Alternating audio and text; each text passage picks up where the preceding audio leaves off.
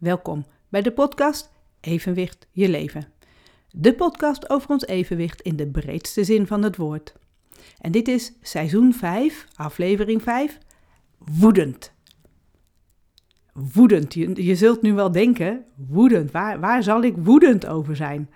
Ja, dat ben ik dus helemaal niet. Het, het gebaar zelfs voor woedend, het gebaar uit de Nederlandse gebarentaal, dat gebaar kan ik niet eens maken zonder erbij te lachen. Dat is namelijk een, uh, uh, met je hand in een klauwvorm en die zet je op je heup. En als je je rechterhand hebt, zet je hem op je linkerheup en dan trek je die klauwhand, zo schuin over je bovenlijf naar boven heen. En dat doe je met behoorlijk wat kracht. En dat, als je dat doet, kan je dat met doen. Of dat je dus het woord woedend zelf al zegt. Het is een hele krachtige uh, beweging. Een krachtig gebaar dus ook. Ik moet er dus om lachen, omdat ik dat hele woedend gevoel niet ken. Tenminste, niet als volwassene.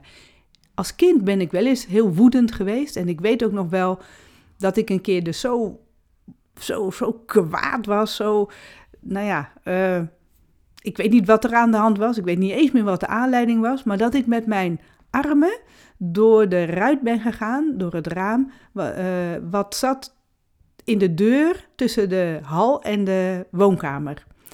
En die knalde dus ook helemaal stuk. Daar ben ik natuurlijk daarna enorm van geschrokken. Maar dat was dus naar aanleiding dat ik dus zo woedend was, dat ik dus ja, met die armen dus allebei er doorheen ben gegaan. Dus dat ken ik dus wel als kind, maar als volwassene kan ik mij niet herinneren dat ik echt woedend ben geweest. Boosheid, ja, dat is een beetje de mildere vorm van woede, dat ken ik natuurlijk wel. En ik ben dus wel eens boos, maar toen ik dus dit ging maken, van tevoren dat ik even daarover na ging denken, wat kan ik daarover vertellen en wanneer was ik dan de laatste keer boos? Ik kan me dat niet eens herinneren. Dat, nee, ik, ik kan niet eens zomaar iets noemen, want het is eerder als ik iets heb wat, wat niet helemaal gaat zoals ik dat zou willen, dan ben ik eerder geïrriteerd. En dat vind ik toch iets, weer iets minder, een mildere vorm dan boos zijn of teleurgesteld. En soms zelfs dat het eerder verdrietig is in plaats van dat het boos zijn is. Maar met cliënten heb ik het natuurlijk wel vaker over emoties en over boos zijn en zo. Dus het komt wel vaak langs. Het wordt wel vaak besproken. Veel cliënten die worstelen ook met die emoties als je een beperking hebt en je kunt daar niet helemaal goed mee omgaan, of jouw omgeving kan er niet mee omgaan. En dan herkennen ze dus wel bij zichzelf dat ze daar boos over zijn, of misschien zelfs woedend. En de aanleiding eigenlijk dat ik deze podcast maak, is omdat ik afgelopen uh, week een artikel las in de krant. En dat is een artikel uit de Volkskrant van 25 november. En die heeft als kop Boosheid als brandstof.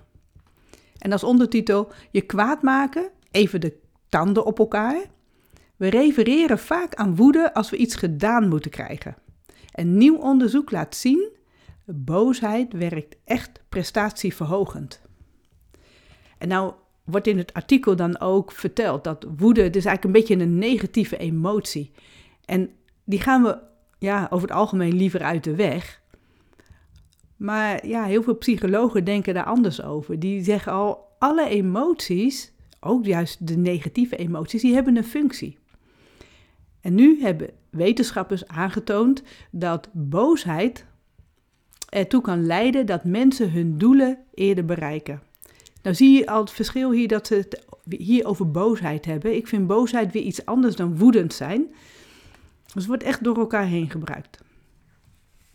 En verderop hebben ze, uh, refereren ze aan een, uh, uh, een TED-talk van psycholoog en woede-specialist, die bestaat dus zelfs, Ryan Martin. Die legt dan uit in, in een TED-talk dat de lichamelijke kenmerken van woede, dat is een verhoogde hartslag, het verwijden van de bloedvaten, nou ja, misschien die ogen die bijna spuur, vuur spuwen, die hebben een functie. Woede is niet alleen een signaal dat zegt dat je met onrecht te maken hebt. Het geeft je ook de energie om daar dan iets aan te doen. Woede is dus een activerende emotie. En die kan er dus voor zorgen dat jij op je doel afgaat. Nou is dat hele, ja, dat, dat, dat je op je doel afgaat, dat dus die, dat die emotie een functie heeft, was voor mij eigenlijk helemaal niet zo nieuw. En daarom ook dat ik dat heel vaak wel kan bespreken met cliënten. En in 2010 heb ik al geleerd over dat als je die emotie hebt, dan gebeurt er dus fysiek iets. Dan lichamelijk voel je van alles. En Marinus Knopen, die heeft het boek geschreven De Ontknoping. Die is dus helemaal uit gaan zoeken hoe zit het met emoties die je in de weg zitten. En wat kun je daar dan vervolgens aan doen? En hij heeft daar dus echt heel mooi ontdekt. Nou ja, ze hebben dat nu dan in een artikel onlangs ontdekt wetenschappers. Maar Marinus Knopen had het al beschreven. Dat als je boos bent, woedend, dan is de functie daarvan, geef je grenzen aan. Dat, is de actie eigenlijk die erachter zit. Dan kunnen die emoties jou helpen je eigen kracht te voelen en dat ook dus dan te laten zien, daar iets mee te doen. Om respect af te dwingen of autoriteit en gezag uit te stralen. Alleen het is ook wel de manier waarop je dat doet. En juist als je dat doet op een manier waarbij je het bijna speelt, in plaats van dat je echt de woede laat regeren over je eigen lichaam, maar het veel meer dat je als je voelt dat je, dat je woedend gaat worden, dat je dat gaat spelen, dat je dat zelf gaat uitvergroten. Dat wat je voelt in je lijf, dat je, ja, dat je dat laat gebeuren. Als je dan, ik weet nog wel als kind ook, als ik woedend was, dan ging ik trappelen met mijn benen. En dan heel hard met mijn armen heen en weer. Omdat ik dus iets niet gedaan kreeg, of ik begreep het niet, of, of nou ja, het, ging niet helemaal zoals ik zou willen. Dan ging ik dus trappelen. En dat is voor mij ook wel dus de uiting van als ik dus zo boos ben, dat heeft me toen als kind wel geholpen om, om ja, dat, dat uh, zo te voelen in je hele lijf. Dus ik deed het als kind al, dat ik dat ging, ging uitvoeren, maar misschien dan zelfs ook wel ging uitvergroten, ging spelen.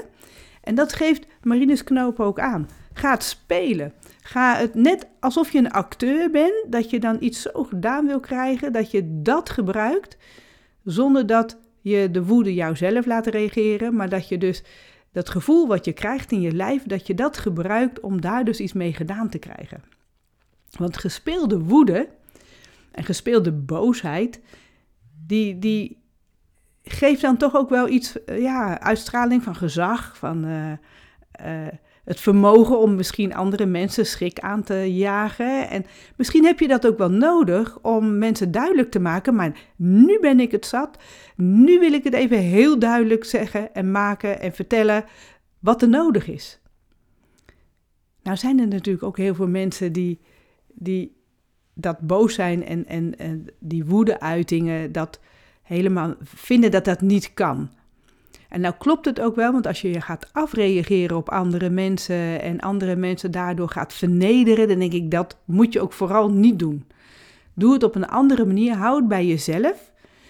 En als je het speelt, is het al heel anders dan dat je door de woede geregeerd wordt. Want dan weet je vaak helemaal niet wat er gebeurt. Dat, dan kan een soort kortsluiting in je hoofd ontstaan. En dan ben je eigenlijk al te ver. Je had al veel eerder die grenzen kunnen aanvoelen. Zo van, hé, hey, er gaat nu iets mis. Ik, ik vind dit heel moeilijk. En dat je daar al eerder iets mee doet. Want dat is dus de functie, de actie die achter die emotie, woede en boosheid zit. Dus ga kijken of je het eerder kan aanvoelen en dus eerder je grenzen gaat bewaken. Dan kun je het gewoon nog op een luide toon tegen iemand zeggen en nou wil ik dat je stopt klaar, dan hoef je het niet nog een keer te herhalen. Dus ja, ik denk dat er mensen zijn die dat heel moeilijk vinden om te reguleren. Maar waarschijnlijk komt het dan omdat ze dan die emotie, die boosheid, die woede niet eerder herkend hebben. Dus niet eerder hun grenzen hebben aangegeven. En dat het dus wel de bedoeling is. En ik ken dus die woede dus niet meer als volwassene. Dus ik, kan daar eigenlijk ook niet zo heel veel over zeggen hoe ik dat tegenwoordig zou doen. De tegenovergestelde, machteloosheid, op het moment dat je dus echt helemaal niets meer eraan kan doen, en dat je dus ook daar niet eens meer boos over kan worden, dan, dan voel je je machteloos. Dan ben je hulpeloos. Nou, dat gevoel ken ik dus heel duidelijk wel. Dat gevoel heb ik als ik een aanval van draaiduizeligheid heb. Dan kan ik dus helemaal niets. Ik kan niet zelfstandig lopen en zo. En dat noem ik wel eens de ultieme vorm van machteloosheid. Je kunt geen kant op. Ook al zou er iets zijn in huis dat jij weg moet, je kunt dan niet opstaan om weg te rennen of wat dan ook. Dus je bent dan totaal afhankelijk van de hele omgeving om je heen. Dus machteloosheid is juist de tegenovergestelde vorm van boosheid. En ja, wat is dan de, de actie achter machteloosheid dan? En dat noemt Marinus Knopen dan in de ontknoping. Wees flexibel. Dus beweeg mee. En ja, laat maar gebeuren wat er gebeurt. En de, de, het, het is dus flexibiliteit. En het grappige is ook wel weer, mijn kernkwaliteit is, een van mijn kernkwaliteiten, is flexibiliteit. Maar de kracht van machteloos en hulpeloos voelen is dus die flexibiliteit. En dat is een signaal van je, van je lichaam dat, het, dat dat het moment is om ermee te, naar te bewegen. Ze noemen het ook wel strategisch handelen. Vraagt dat je weet wanneer je in verzet moet komen en wanneer je moet meebewegen. Zoals ook in een Aikido-gevecht. Nou heb ik nog nooit een Aikido-gevecht gedaan. Maar ik weet wel dat ik dat wel eens gezien heb en dat het ook echt de kunst is van het meebewegen. En dat je dan dus, ja, die machteloosheid een plek geeft. Dat het er mag zijn en ja, machteloosheid spelen is voor mij dan ook echt gewoon helemaal loslaten.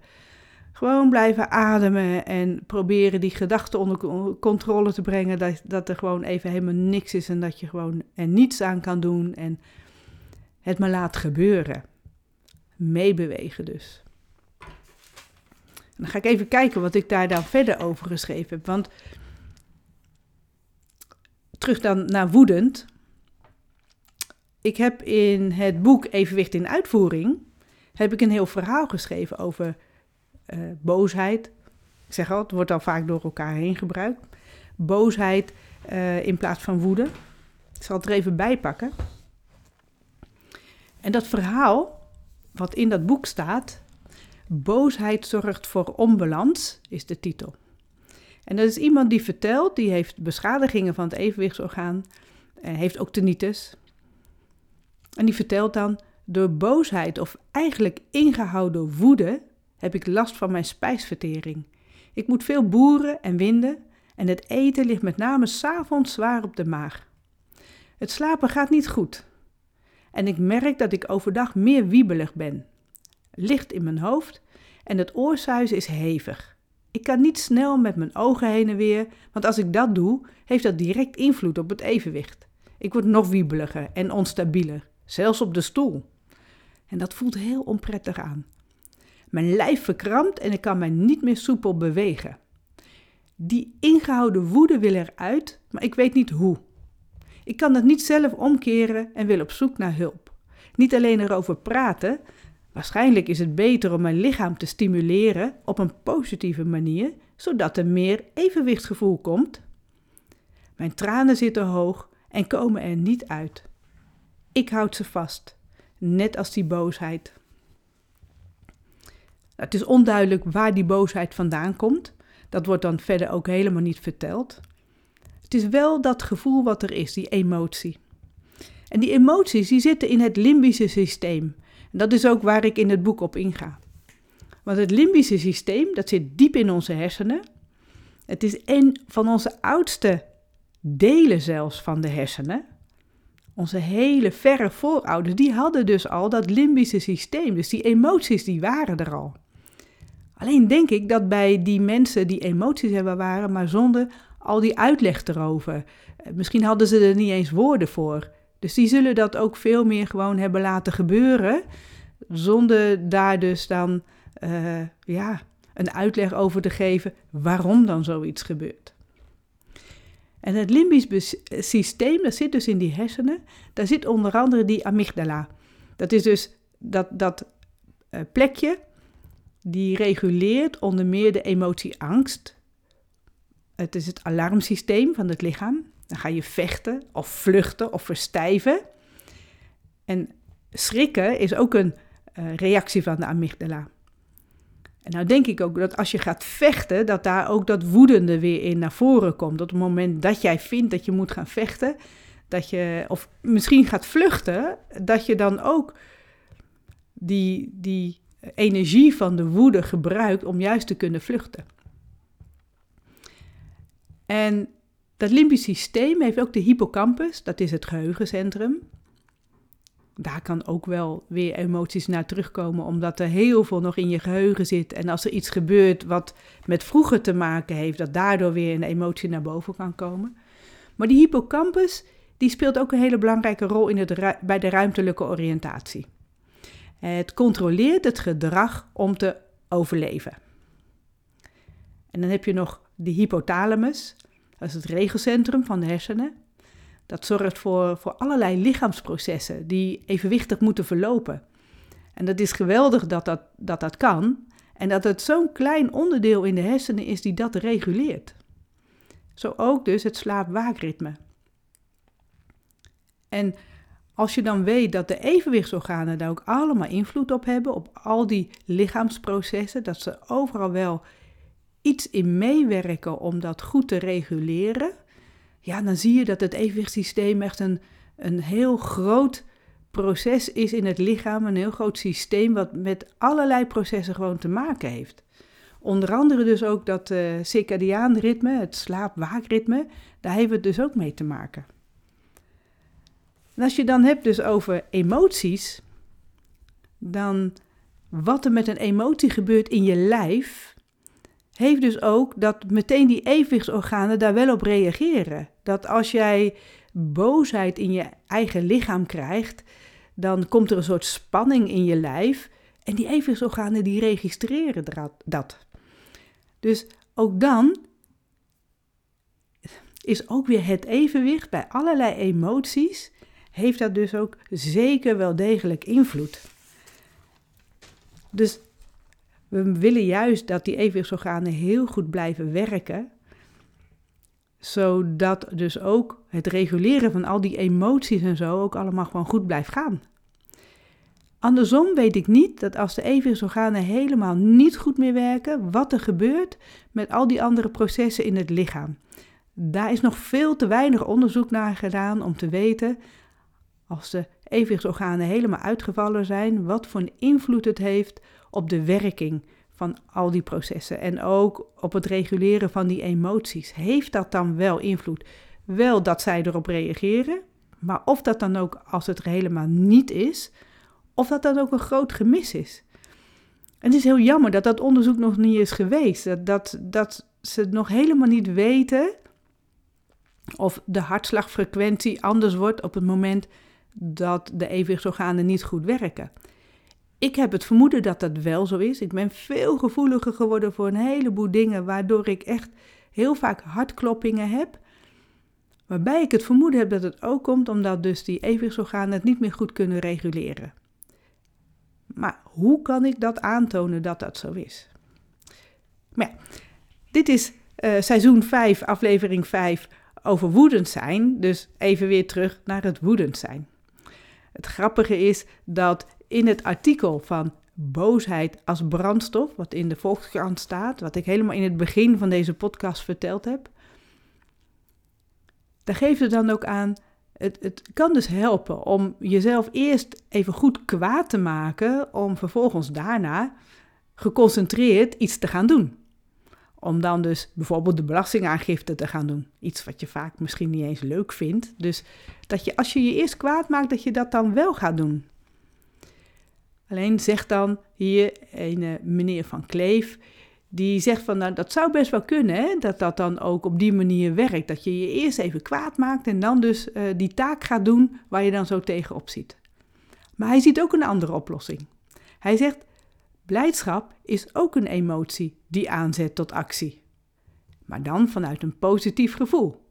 Dus als je iets gaat doen wat je eigenlijk helemaal niet leuk vindt om te gaan doen, dan kan het helpen om bijvoorbeeld uh, lievelingsmuziek op te zetten dat dat dan zeker kan helpen. En dan klinkt het ook wat gezelliger en dan kan je die taak ook veel beter gaan uitvoeren. Dus ja, dan kunnen we veel beter blij zijn en, en ons vrolijk voelen. Om dan iets te gaan doen, dat je je eerst vrolijk voelt, dat je iets gaat doen waardoor je vrolijk wordt en zo. En dan pas die moeilijke taak op gaat pakken die je daarna moet gaan doen. Ja, wat dan beter werkt om eerst woedend te zijn of eerst blij te zijn. Ja, dat is aan jou om dan daar een keuze in te maken. Ik denk dat het bij mij meer werkt om dan eerst blij te zijn en uh, vrolijk te worden. Uh, en misschien dat als ik vrolijk wakker word, dat ik ook de dingen altijd al sowieso veel makkelijker oppak. Dat die vervelende taakjes al helemaal geen vervelende taken meer zijn dat ik vanuit blijdschap dat veel makkelijker kan doen. En dat ken ik wel.